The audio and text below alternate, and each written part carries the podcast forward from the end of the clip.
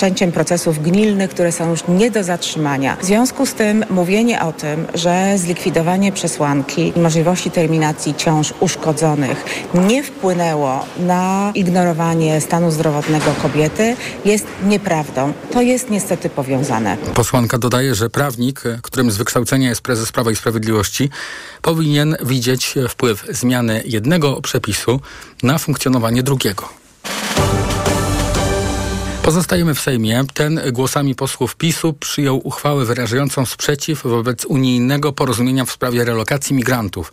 Porozumienie przewiduje kary za nieprzyjmowanie migrantów, a z drugiej strony pomoc finansową dla państw przyjmujących migrantów właśnie. No i właśnie takie założenia nie podobają się w obozie rządzącym. Dlaczego? O tym już teraz reporter TOK FM Maciej Kluczka. Opozycja, m.in. poseł Lewicy Maciej Konieczny przyznaje, że pakt unijny ma swoje błędy, ale solidarność w sprawie migrantów jest w Unii konieczna. Dlatego lepiej ten pakt poprawiać, naciskać na Komisję Europejską, a nie odwracać się tyłem, dodaje poseł Konieczny. Idą w kierunku takiego zerwania solidarności. To jest raz jeszcze powrót do tych antyuchodźczych, anty, antymigracyjnych histerii. Potrzebujemy dobrej, solidarnościowej umowy. Szczególnie potrzebuje tego Polska. Polska, która jest państwem granicznym. Uchwała ma charakter symboliczny, zresztą nawet nasz nasz sprzeciw Unii Europejskiej nie zablokuje wprowadzenia paktu. Na taką moją uwagę wiceminister sprawiedliwości Sebastian Kaleta z suwerennej Polski odpowiada tak. Polska ma wiele instrumentów, by zablokować te mechanizmy. A co siłą tych ludzi nam przywiozą Niemcy? W więźniarkach swoich? Maciej Kluczka, to GFM. Głos e, w tej sprawie zabrał również e, wspomniany przed chwilą Jarosław Kaczyński. Prezes PiSu wyliczał z sejmowej mównicy, e, ilu Polska przyjęła uchodźców z Ukrainy i jakie pieniądze z tego tytułu otrzymała. To jest kpina z Polski, to jest dyskryminacja.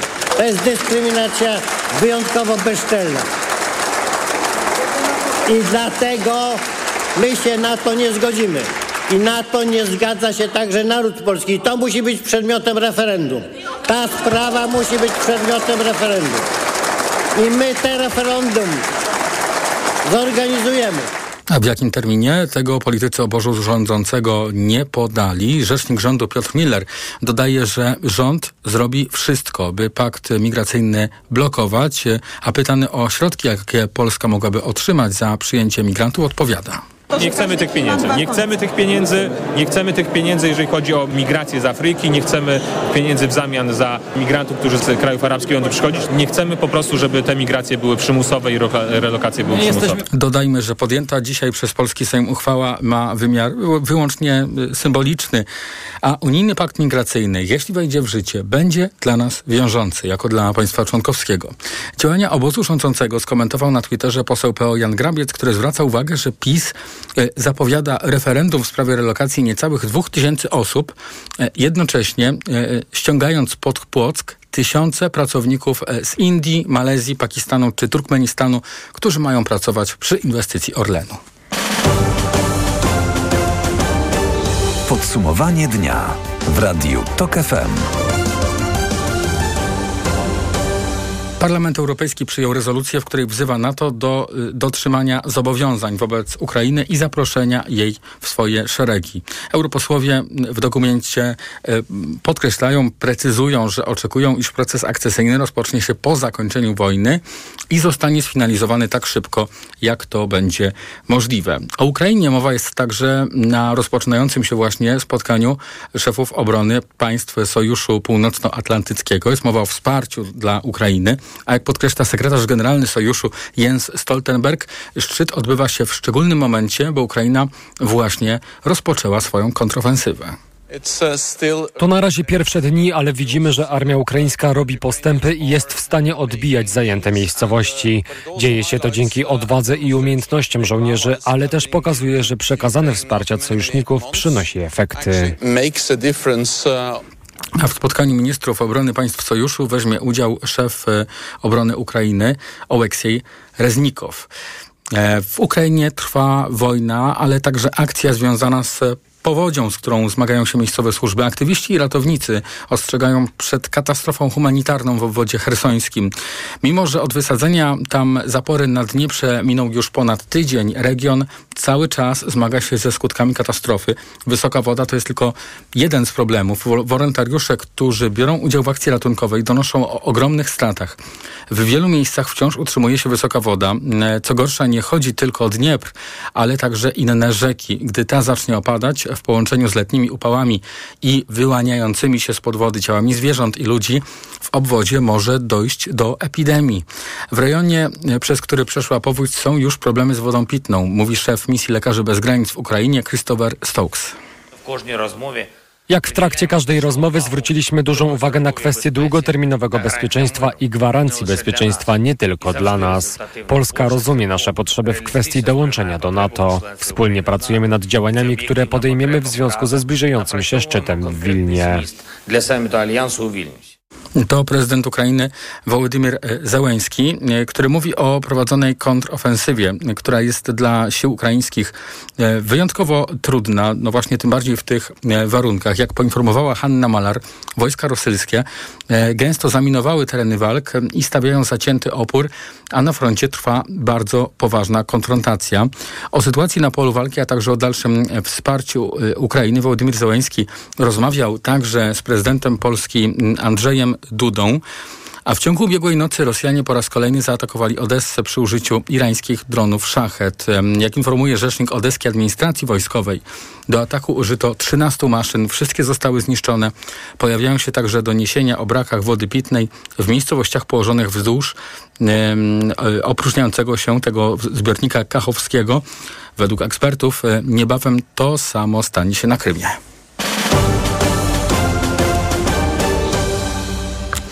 14 województwach mamy pogłębiającą się suszę rolniczą. Informuje Instytut Uprawy, Nawożenia i Gleboznawstwa. Największe niedobory wody są na Pojezierzu Mazurskim, Pomorskim i na Kujawach. Bardzo trudna sytuacja jest także w lasach, o czym z leśnikami spod Bydgoszczy rozmawiała reporterka TOK FM Agnieszka Wynarska. Ziemia na Kujawach jest sucha jak pieprz. Co prawda wczoraj, a także w nocy padał deszcz, ale to i tak za mało. Nadal mamy do czynienia z suszą, dlatego w Nadleśnictwie Bydgoszcz, a także Nadleśnictwie Żołędowo w okolicach Bydgoszczy obowiązuje zakaz wstępu do lasu, mówi strażnik leśny Tymoteusz Zalek. Ściółka jest w wilgotności w okolicy kilku procent, to jest 3-4, mniej więcej takie wartości. Wyjątkowo sucho. Ten zakaz został wprowadzony do odwołania. Wiąże się po prostu z bezpieczeństwem ludzi. Dbamy o to, żeby nikt nikomu nic się nie stało i jednocześnie z bezpieczeństwem lasu. W takim sensie, żeby po prostu unikać tych nieumyślnych często podpaleń, powiedzmy takich, nawet od samochodu, który zostanie zostawiony gdzieś w wysokiej trawie, może wybuchnąć pożar. Takich pożarów rzeczywiście jest sporo. W ostatnich dniach strażacy gasili m.in. pożar lasu w okolicy Centrum Onkologii w Bydgoszczy, a także Leśnego Parku Kultury i Wypoczynku. To dlatego, że no, mieszkańcy nie zawsze zachowują się rozsądnie. Niestety jesteśmy leśnictwem przymiejskim, musimy się też mierzyć czasami z takimi y, rzeczami jak podpalenia.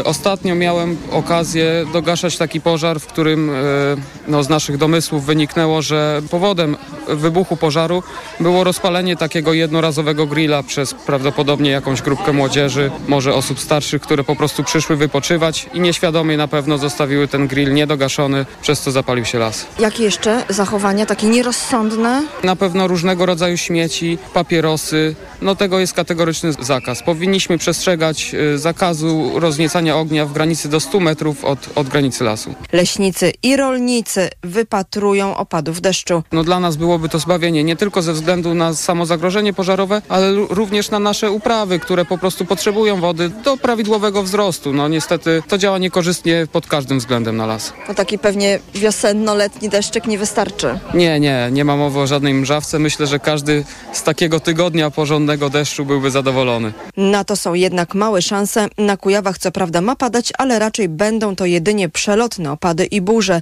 Długich, obfitych opadów deszczu w prognozach niestety nie widać. A te wszystkie informacje zebrała reporterka TOK FM Agnieszka Wynarska. Susza doskwiera nam już niemal nieprzerwanie od 2015 roku. O tym, jakie są tego konsekwencje, mówiła w TOK FM Sonia Sobczyk-Grygiel z Polityki Insight. W tym roku właściwie od czterech tygodni występuje deficyt opadów, szczególnie w północnej i zachodniej Polsce. I rzeczywiście według y, Instytutu Upraw Nawożenia i Gleboznawstwa z Puław, y, no, jest groźba dla, y, jeżeli chodzi o plony w niektórych regionach, nie, na niektórych obszarach nawet do 60% y, może być mniej plonów y, niż to było wcześniej szacowane. Średnio mówi się o około 20. Więc jest to istotna y, liczba. No niemniej Wydaje się, że w, jeżeli mówimy o tym, że mamy w tej chwili problem z tym, że mamy za dużo zboża zmagazynowanego, no to przynajmniej jeżeli chodzi o te zboża, to aż tam problemów takich podażowych wielkich y, w tej krótkiej perspektywie nie należy się spodziewać, co bynajmniej nie oznacza, że nie jest to bardzo poważne wyzwanie, z którym powinniśmy się zmierzyć. W Polsce średnia zdolność gromadzenia wody to jest zaledwie 7%, średnia europejska to od 15 do 20%. W Hiszpanii, która jest jednym z liderów, retencjonuje się nawet 45 5% wody. A do tematu suszy jeszcze wrócimy w TOK 360 przed godziną 19. Moim i Państwa gościem będzie profesor Zbigniew Karaczun ze Szkoły Głównej Gospodarstwa Wiejskiego. Ludzie umierający na ulicy z głodu, brutalne represje i brak szans na ucieczkę. Taki obraz pokazuje prowadzone przez wiele miesięcy śledztwo BBC na temat życia w najbardziej odizolowanym państwie świata. Dziennikarzom udało się porozmawiać z kilkoma osobami, które żyją w Korei Północnej. Targowiska, na których większość mieszkańców tego kraju kupuje żywność, są teraz prawie puste, a ceny ryżu, kukurydzy i przypraw poszybowały w górę. Korea nie potrafi sama wyżywić obywateli, a zamknięcie się kraju związane związane z pandemią COVID-19 odcięło mieszkańców od importowanej żywności. Mm, o tym, jak bardzo Korea Północna pozostaje odizolowana, mówił w audycji Światopodgląd u Agnieszki Lichnerowicz dr Oskar Pietrewicz z Polskiego Instytutu Spraw Międzynarodowych.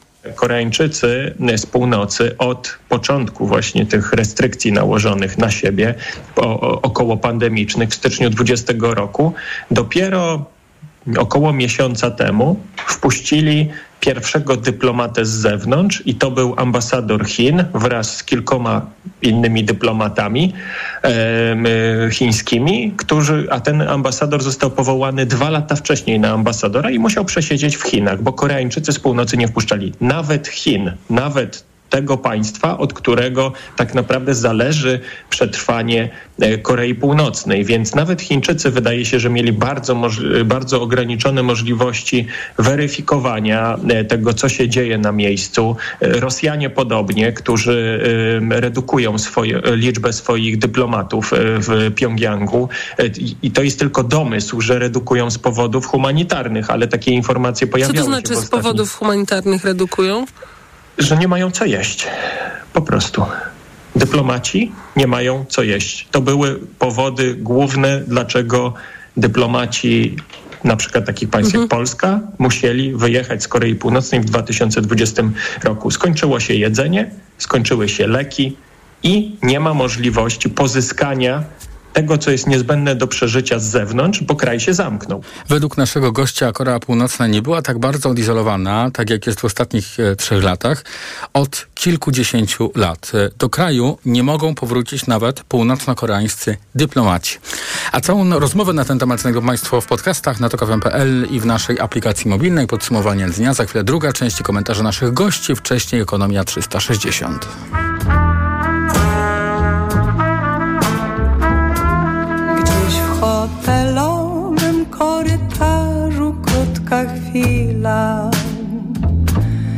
Splecione ręce gdzieś na plaży Oczu błysk.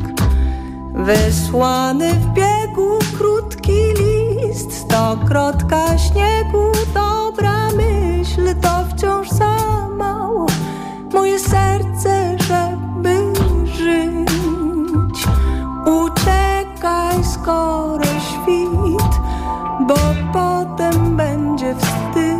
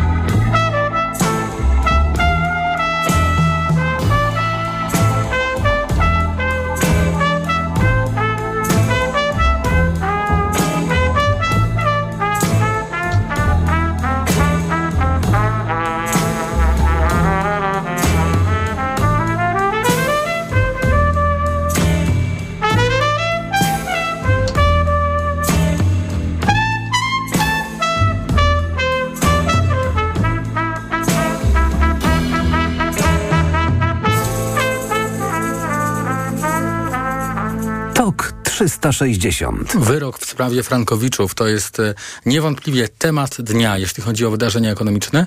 O czym jeszcze już teraz e, Państwo mogą sprawdzić. Pora na ekonomiczne podsumowanie dnia.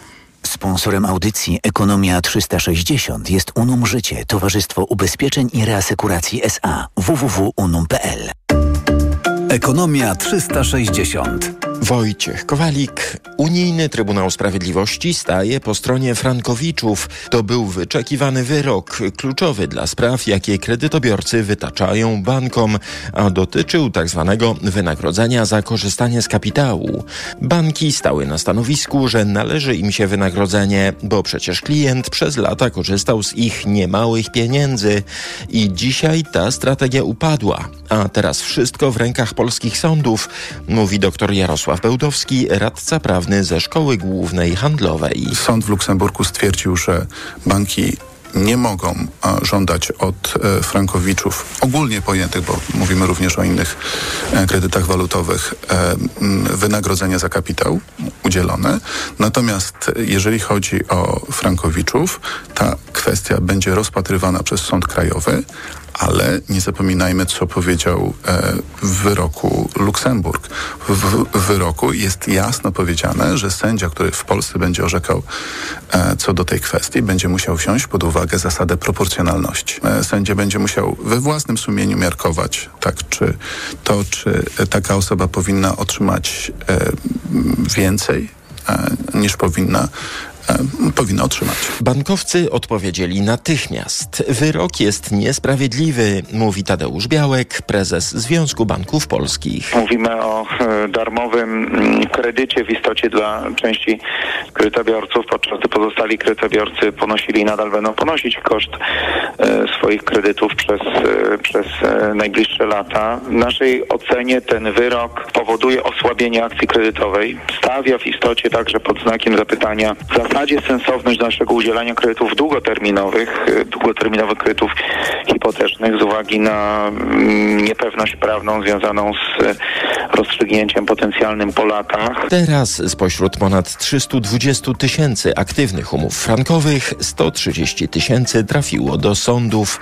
Potencjał fali kolejnych pozwów jest, mówiła w raporcie gospodarczym TOK FM dr Aneta Wiewiórowska-Domagalska z Instytutu Nauk Prawnych Polskiej Akademii Nauk i Kancelarii Hoffman-Taborowski i Wspólnicy. Działania podejmowane przez banki, e, ale również przez nadzór bankowy e, powodowały, że ludzie się bali nie wiedzieli, która linia argumentacyjna jest słuszna, to znaczy, czy rzeczywiście bankom coś się należy. Teraz e, sprawa jest prosta. Bankowi nie przysługuje wynagrodzenie za korzystanie z kapitału. Koniec. Więc to była ostatnia bariera psychologiczna, y, która mogła powstrzymywać osoby zainteresowane y, dochodzeniem swoich praw w sądzie przed pójściem do sądu. W sprawie Frankowiczów CUE wydał dziś jeszcze jeden wyrok. Zgodnie z nim, jeżeli sprawa Frankowa trafi na salę sądową, to sąd może na czas procesu zawiesić spłatę rat kredytu. Tu Radio Tok FM, pierwsze radio informacyjne. Ceny w maju rosły w tempie 13%, potwierdza Główny Urząd Statystyczny i podaje inflacyjne szczegóły. Wciąż w niemal 20% tempie w skali roku drożeje żywność.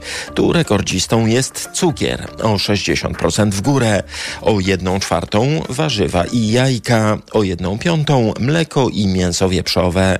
Trochę, ale zawsze staniało natomiast masło o 10% mniej niż rok temu. Płacimy też za paliwa. Ciągle rosną natomiast koszty utrzymania mieszkania. Są wyższe o kilkanaście procent. W podobnym tempie w skali rocznej drożeją usługi. Ale jak zwracał uwagę w TOK FM członek Rady Polityki Pieniężnej Przemysław Litwiniuk, ceny przestały rosnąć w skali miesięcznej. Przedsiębiorcy mają w, mając w perspektywie narastające na przykład yy, wysokości płacy minimalnej, czy długo utrzymujące się od października wysokie, wysokie loty głównych walut obcych w stosunku do złotego, teraz tutaj nastąpiła zmiana, alokowali dużą część ceny w marżach. I, i to moim zdaniem ten efekt drugiej rundy i ta alokacja w marże yy, powodowała podstawowe problemy z okiełznaniem czy, czy, czy wyhamowywaniem tych zjawisk inflacyjnych. Ten jutro natomiast poznamy dane o inflacji bazowej. To ważny wskaźnik pokazujący jak drogie energia i żywność przełożyły się na inne ceny w gospodarce. Europejski Bank Centralny nie zaskakuje, znów podnosi stopy procentowe o spodziewane 25 punktów bazowych. Walka z inflacją trwa, mówi szefowa EBC Christine Lagarde. Inflation has been coming down. Inflacja spada, ale prognozy mówią, że zbyt długo pozostanie zbyt wysoka. Stąd decyzja o podniesieniu stóp procentowych, mając na uwadze naszą determinację w szybkim powrocie inflacji do celu wynoszącego 2%. Teraz inflacja w strefie euro jest trzy razy wyższa. Dlatego kolejna podwyżka stóp spodziewana jest w lipcu. A dodam, że dzisiejsza decyzja będzie miała wpływ na oprocentowanie kredytów w euro euro. Spłaca je w Polsce około 70 tysięcy osób, choć ten wzrost złagodzi stosunkowo mocny ostatnio złoty. 4 zł 45 groszy, tyle kosztuje dziś euro, frank po 4,56, dolar 4,08, funt po 5,20, a na giełdzie wyraźnie w górę na WIG-u o 0,8%, na WIG-u 20 o ponad 1%. Ekonomia 360. Sponsorem audycji Ekonomia 360 jest Unum Życie, Towarzystwo Ubezpieczeń i Reasekuracji SA www.unum.pl. Pogoda. W ciągu najbliższej nocy może padać deszcz, a początkowo głównie na północy możliwe są także burze, bez opadów tylko na południowym wschodzie, a na termometrach od 9 stopni na południu, przez 10 w centrum do 12 nad morzem. Jutro od 18 stopni w Szczecinie do 23 stopni e, w okolicach Łodzi i Warszawy, no i wszędzie znowu opady deszczu. Prawie wszędzie, bo centrum i południe kraju Małopolska to są te miejsca, gdzie niebo może być jedynie zachmurzone. Radio TOK FM. Pierwsze radio informacyjne. TOK 360. Za chwilę będziemy rozmawiali o wyroku TSUE w sprawie Frankowiczów. Moim Państwa gościem będzie Beata Strzyżowska, radczyni prawna i pełnomocniczka Frankowiczów właśnie. To już za chwilę. Reklama. Let's go! Red Friday w MediaMarkt. Letnia edycja Black Friday. 55-calowy telewizor Sharp za 1799 zł. Taniej o 200 zł.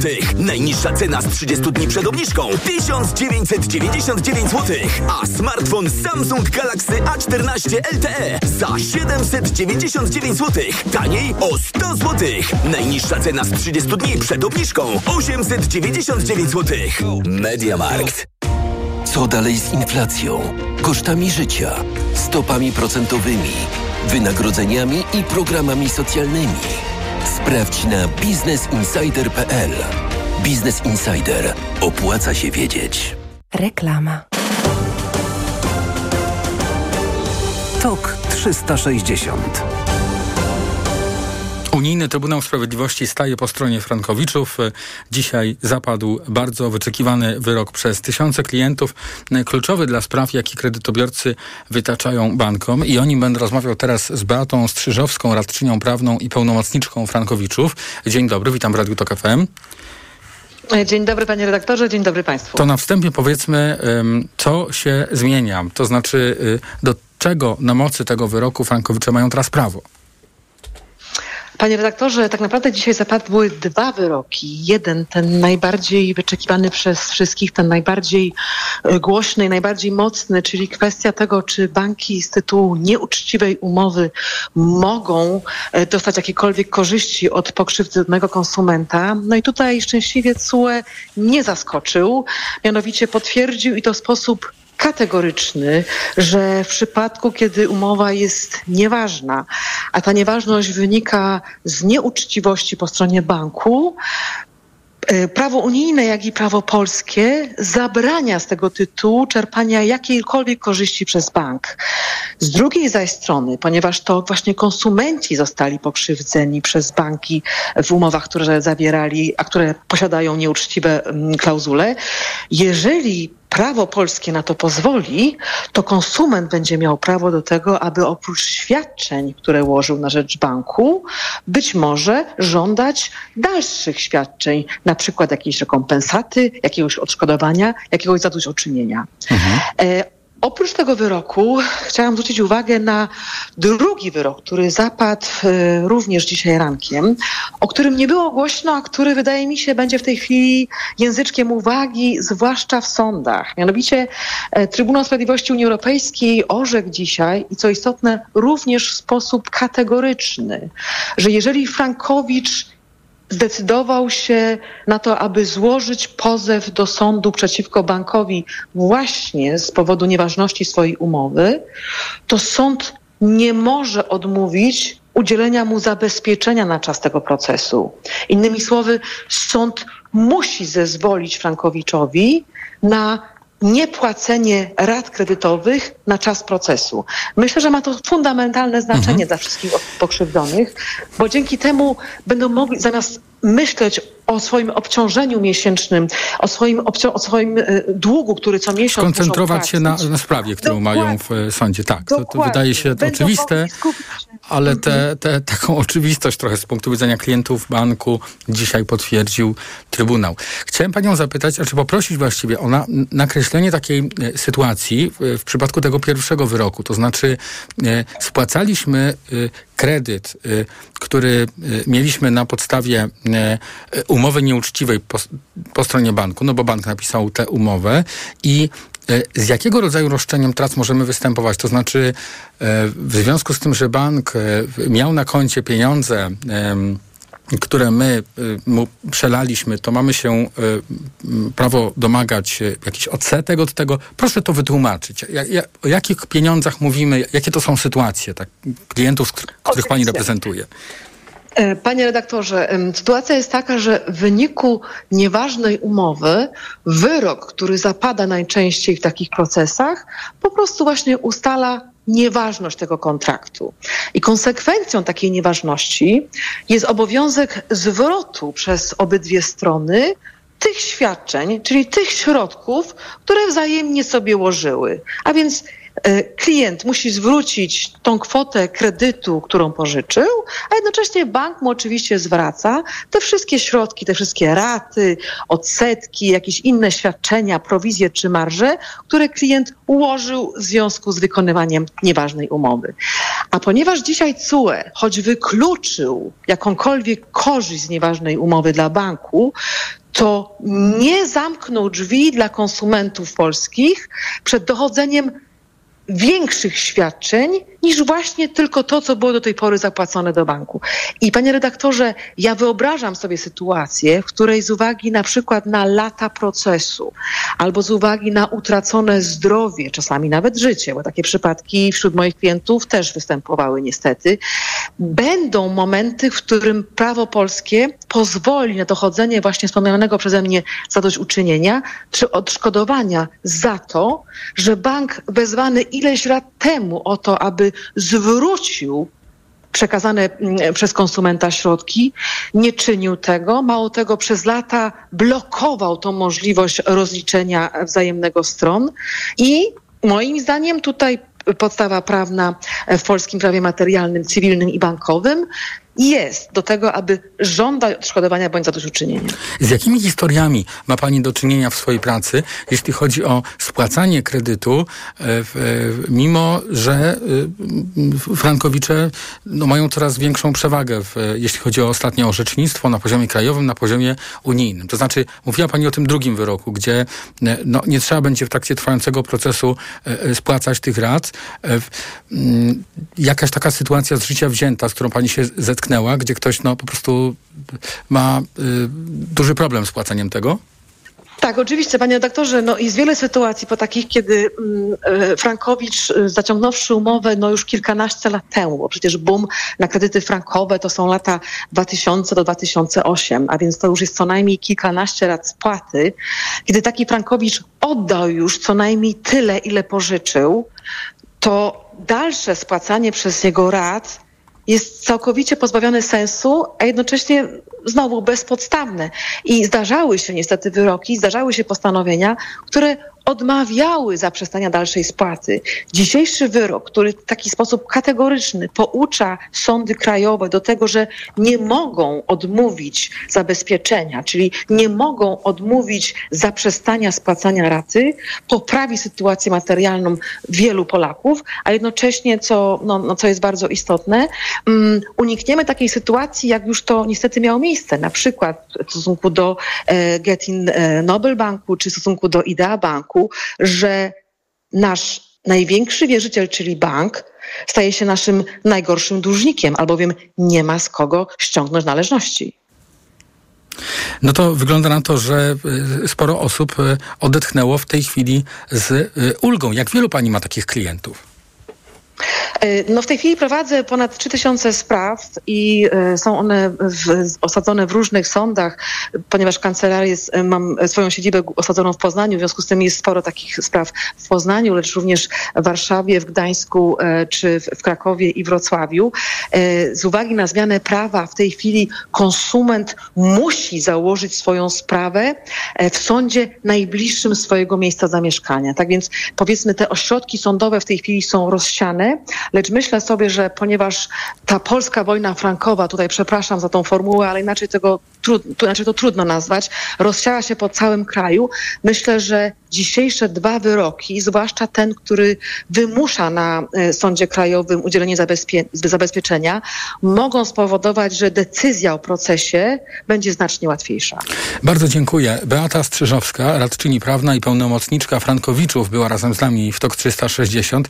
A już za chwilę zmienimy y, temat. Y, to będzie y, temat zagraniczny dotyczący polityki Stanów Zjednoczonych wobec Ukrainy. Ukraina w NATO, takie apele słyszymy już od dawna, ale same Stany Zjednoczone, które w największym stopniu chyba pomagają Ukrainie, trochę inaczej to widzą. Przynajmniej tak e, twierdzą amerykańskie media.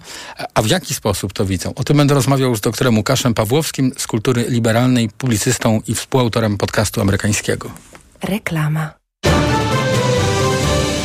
Wielu z nas rozgląda się teraz za nowym autem, jednak oferta nie zawsze jest atrakcyjna. Dlatego warto przyjrzeć się bliżej temu, co oferuje Toyota Outlet, w którym idealna dla rodziny Toyota Yaris Cross dostępna jest w cenie 92 900 zł. A jak już będziemy na miejscu, nie zaszkodzi zapoznać się także z ofertą na inne modele tej słynącej z niezawodności marki. Szczegóły w salonach Toyoty. Tak, słucham. Z tej strony Hubert Urbański. Twój przyjaciel potrzebuje pomocy z pytaniem o inflację.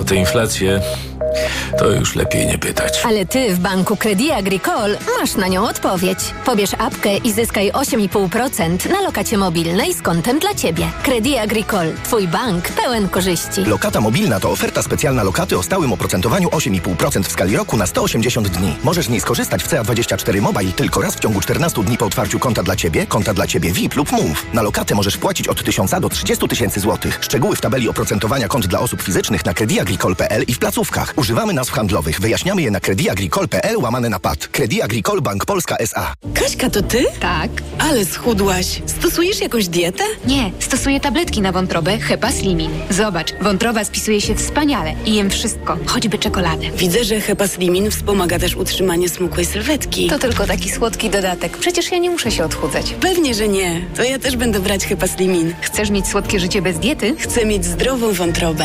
Suplement diety Hepa Slimin w trosce o wątrobę i smukłą sylwetkę. Mate pomaga w utrzymaniu prawidłowej masy ciała, a cholina wspiera funkcjonowanie wątroby. Aflofarm. Zmiany w ogrodzie? Zrób je taniej z Leroy Merlin. Tak, to proste.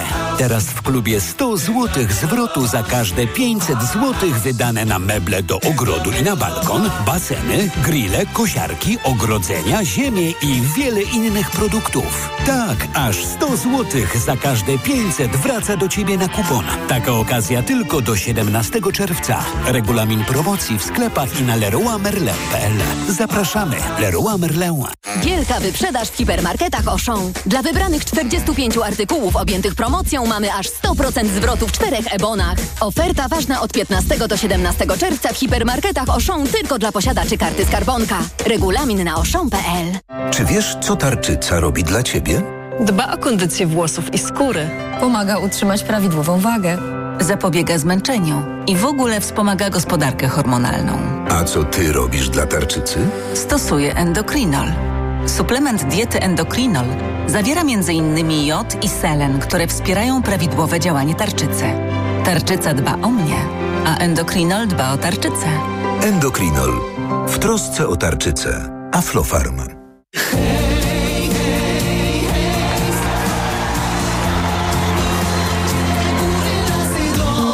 Takiego show jeszcze nie było. Przed nami dziewięć niezapomnianych biesiad. Zapraszamy do wspólnej zabawy. Piosenka góralska, kresowa, weselna i śląska. Polskie biesiady. Zaczynamy już w sobotę o 20 w TVP2. Potrzebny mi nowy dostawczak od ręki. Toyota. Z ładownością do 1000 kg.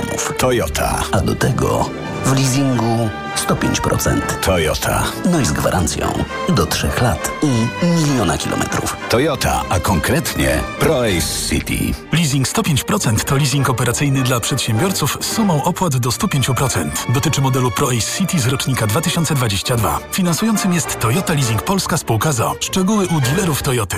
Reklama. TOK 360. Jest z nami dr Łukasz Pawłowski z Kultury Liberalnej, e, publicysta, a jednocześnie współautor podcastu amerykańskiego. Dzień dobry, witam Radio Tok FM.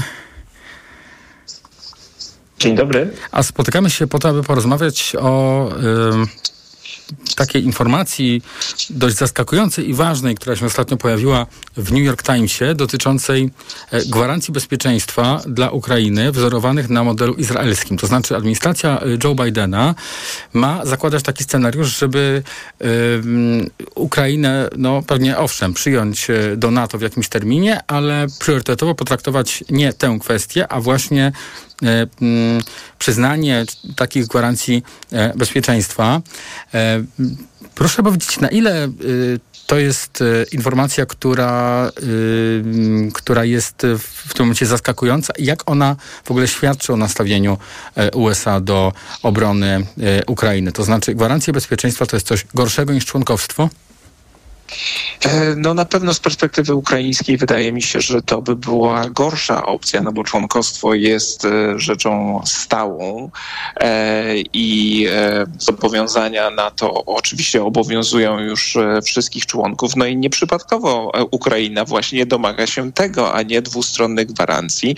No przypomnę, że Ukraińcy już takie gwarancje nienaruszalności terytorialnej dostawali od państw zachodnich, także i, i to nie skończyło się dobrze e, i mają z tym negatywne doświadczenia, więc rozumiem, że woleliby, i to jest w pełni zrozumiałe, opcję pełnego członkostwa w NATO. Zwróciłbym także uwagę, że Stany Zjednoczone w czasie tego konfliktu nieraz już administracja prezydenta Bidena e, zmieniała zdanie na korzyść Ukrainy. Oczywiście to były zmiany zdania pod względem e, typu sprzętu, jaki Amerykanie dostarczają, a nie długofalowych gwarancji bezpieczeństwa, no ale mm, zwracam uwagę na tą pewną elastyczność, którą administracja wykazuje. No i wreszcie po trzecie, bo pytał pan o stosunek Amerykanów mhm. do Ukrainy, to wydaje mi się, że dowód jest w tym, co Amerykanie robią, e, żeby wesprzeć Ukraińców i to jest skala pomocy, której wydaje mi się przed rozpoczęciem tego konfliktu, no nikt by się nie spodziewał, że będzie e, możliwa. Ale w przypadku e, Izraela tego rodzaju gwarancje bezpieczeństwa, no bo tutaj nie bez powodu się podkreśla, wzorowane na modelu izraelskim, chyba są skuteczne, bo ilekroć e, dochodzi do napięć w tamtej części świata, to y, przypomnienie o sobie sojusznika w postaci Stanów Zjednoczonych działa. No tak, tylko że znów, no nie można, to są jednak dwa różne przypadki i to nie jest, to, to jakby to powiedzieć ładnie, to znaczy mm, znaczenie Ukrainy nie zawsze musi być tak fundamentalne dla Stanów Zjednoczonych i wpływy ukraińskie w Stanach Zjednoczonych, e, ta siła przekonywania do interesów ukraińskich nie zawsze musi być tak duża. E, Ukraina to nie Izrael, Ukraina to nie Japonia, tak? To znaczy e, ja rozumiem presję, czy jak gdyby siłę tych żądań ukraińskich, żeby jednak e, zostać wpuszczonym do Sojuszu Północnoatlantyckiego mhm. i w mhm. ten sposób zakorzeniać, e, zakorzeniać e, swoje bezpieczeństwo właśnie w tych strukturach zachodnich. To skąd mogła się w ogóle wziąć ta koncepcja? Czy y, Amerykanie nie chcą doprowadzić do jeszcze większych napięć pomiędzy e, Rosją a NATO. Czym tutaj się może administracja kierować? No, to znaczy, to oczywiście pojawia się ten, e, to uzasadnienie, ale ono jest już troszeczkę, powiedziałbym, brutalnie skompromitowane. No właśnie. Znaczy, jeżeli mówimy, że nie chcemy drażnić Putina, no a jednocześnie NATO przyjmuje broń. dwóch, mhm. dostarczamy broń, NATO przyjmuje dwóch nowych e, członków, czy na razie jednego nowego członka, ale przez to granica rosyjsko pomiędzy Rosją a NATO wydłuża się kilkaset kilometrów, no to nie możemy mówić, że ciągle jest ta kwestia rozdrażnienia Putina, tym bardziej, że jak gdyby no, trudno rozdrażnić bardziej kogoś, kto już prowadzi pełnoskalową wojnę i dokonał inwazji na, na, na, na kraj sąsiedni. W związku z tym wydaje mi się, że to jest pewien być może strategia negocjacyjna, e, być może próbna taka, takie wypuszczenie próbne informacji do przestrzeni publicznej, ale żeby można było od czegoś się odbić i jakoś negocjować, ale wydaje mi się, że Ukraińcy będą parli do członkostwa w NATO i to jest ich największa szansa. To znaczy w, w tej chwili e, te, no, to okno możliwości nie będzie otwarte e, wiecznie, mhm. więc na pewno będą chcieli ją wykorzystać. To może tu chodzi o jakieś wewnętrzne kwestie, skoro nie o Rosję. W, w jaki sposób administracja mogłaby Bidena skorzystać na, na właśnie takiej opcji?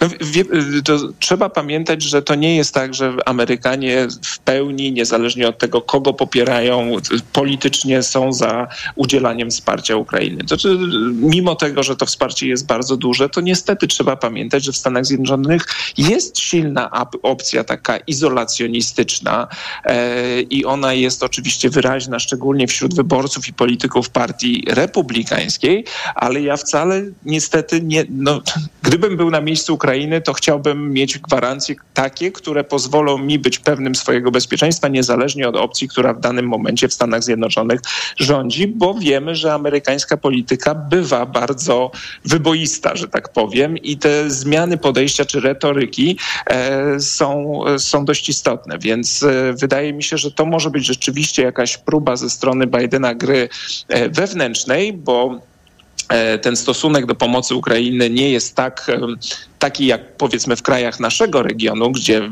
to jest rzecz ponad podziałami politycznymi. W Stanach Zjednoczonych jest to sprawa, e, która dzieli niestety e, demokratów i część, mhm. znaczną część partii republikańskiej. Bardzo dziękuję. Doktor Łukasz Pawłowski z Kultury Liberalnej, publicysta i współautor podcastu amerykańskiego był razem z nami.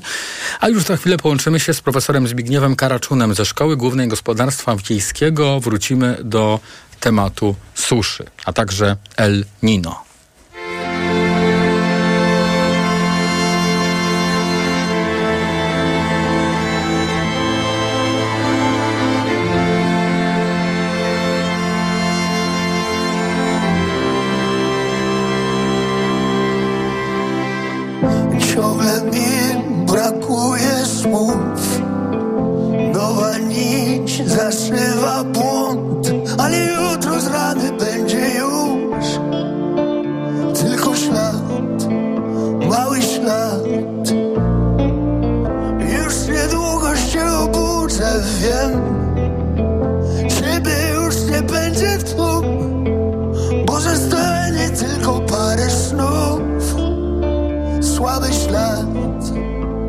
wish love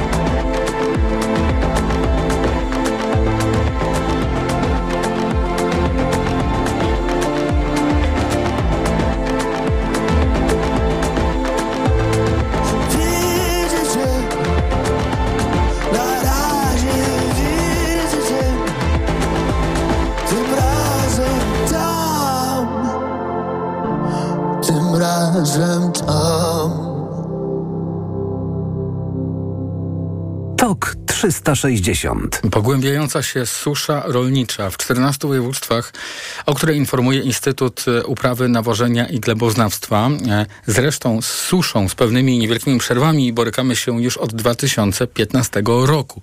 Teraz łączymy się z profesorem Zbigniewem Karaczunem ze Szkoły Głównej Gospodarstwa Wiejskiego, ekspertem Koalicji Klimatycznej. Dzień dobry, witam w Radiu TOK FM. Dzień dobry panu, dzień dobry państwu. No i chciałem pana zapytać o wnioski, które płyną z tych e, informacji, które e, właściwie każdego roku są bardzo podobne. Mamy suszę, rolnicy mają problem, e, są niedobory wody. Niektóre gminy informują o tym, że, znaczy apelują do swoich mieszkańców, żeby oszczędzać wodę. Jakim latem staje się polskie lato? E, Polskie lato staje się w tej chwili przede wszystkim latem gorącym i latem, suchym. To znaczy to, tak jak pan redaktor powiedział, od e, kilku czy kilkunastu nawet lat mamy permanentną suszę letnią. E, Mamy coraz bardziej także niestabilną przebieg pogody w, w okresie letnim. To i takie bardziej gwałtowne zmiany pogody, kiedy z dnia na dzień może temperatura albo spaść, albo wzrosnąć bardzo znacząco.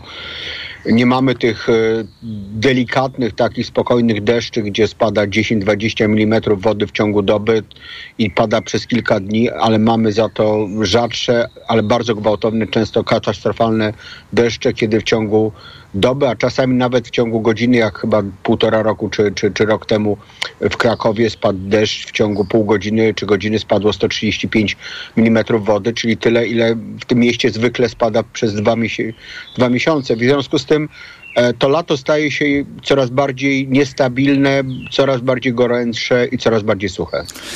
W jaki sposób e, możemy się do tego dostosować, tak abyśmy nie byli zaskoczeni tym, że mieliśmy określone plany, a y, pogoda, y, pogoda nas zaskakuje i czy to w ogóle możliwe jest, żeby się dostosować do e, takiego zmieniającego się klimatu? Znaczy ja bym powiedział, że to, co powinniśmy robić, to przede wszystkim zapobiec e, pogłębieniu się zmiany klimatu i za, zatrzymać tę zmianę klimatu, która jest spowodowana działalnością człowieka, bo e, jeżeli ta mm, zmiana będzie postępowała dalej, jeżeli dalej będzie wzrastała stężenie gazów e, cieplarnianych w atmosferze, będzie wzrastała średnia temperatura, to my po prostu nie nadążymy z adaptacją do tych zmian, które następują. W związku z tym ochrona klimatu jest e, pierwszorzędnym zadaniem. Natomiast e, do, do, do, do takich właśnie niestabilności e, pogodowych coraz mniej się możemy dostosować, no bo no zwykle tak naprawdę, mm, czy kiedyś planowaliśmy wakacje z kilkumiesięcznym wyprzedzeniem. Wiedzieliśmy, że nie wiem, wyjedziemy e, w lipcu czy w sierpniu nad morze, nad Bałtyk. E, W sierpniu zwykle była lepsza pogoda. W lipcu wiedzieliśmy, że będzie pewnie jeden e, mokry tydzień. Natomiast dzisiaj te, tak, takich prognoz długo czy średnioterminowych nie można dawać, bo tak jak powiedziałem, pogoda może się z dnia na dzień zmienić. Jeśli chodzi o kąpieliska, na przykład y, rzeczne, to czy może nadejść taki dzień, że rzeki nam do tego stopnia się spłycą, że będzie można zapomnieć o kąpielach na przykład? A proszę mm, sobie przypomnieć, jak, mm, jak było, wyglądała Wisła dwa lata temu, czy, czy w 2018 roku, kiedy mieliśmy rekordową suszę. E, To oczywiście jest bardzo, bardzo możliwe. Mamy już dzisiaj też e, rzeki, które w Polsce kiedyś e, zawsze płynęły, a w tej chwili stają się okresowe.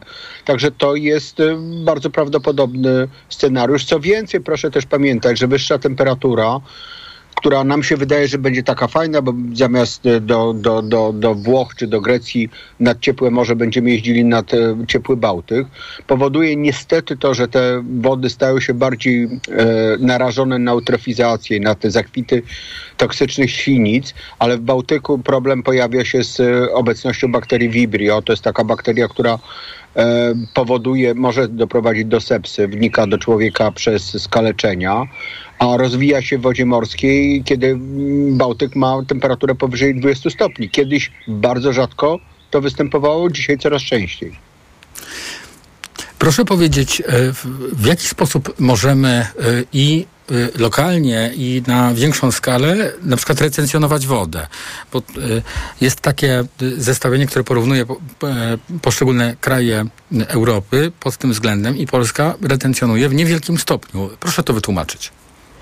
E, Ja bym powiedział, że to wymaga tak naprawdę kompletnej zmiany podejścia do gospodarki wodnej, bo my ciągle tkwimy w takim przekonaniu jeszcze z poprzedniego systemu, z okresu komunizmu, kiedy wydawało nam się, że człowiek i technika wie lepiej, jak rozwiązywać problemy niż, e, niż natura. E, I w związku z tym budowaliśmy wielkie zbiorniki wodne, które co prawda zatrzymywały tą wodę, ale bardzo dużo tej wody traciły w wyniku parowania. Co więcej, one były, ta woda, która była retencjonowana w tych wielkich zbiornikach, ona nie była e, przydatna ani dla rolników, ani dla gospodarki tak naprawdę mm, rekreacyjnej, lokalnej, bo ona po prostu to były betonowe niecki, w których woda była zatrzymywana.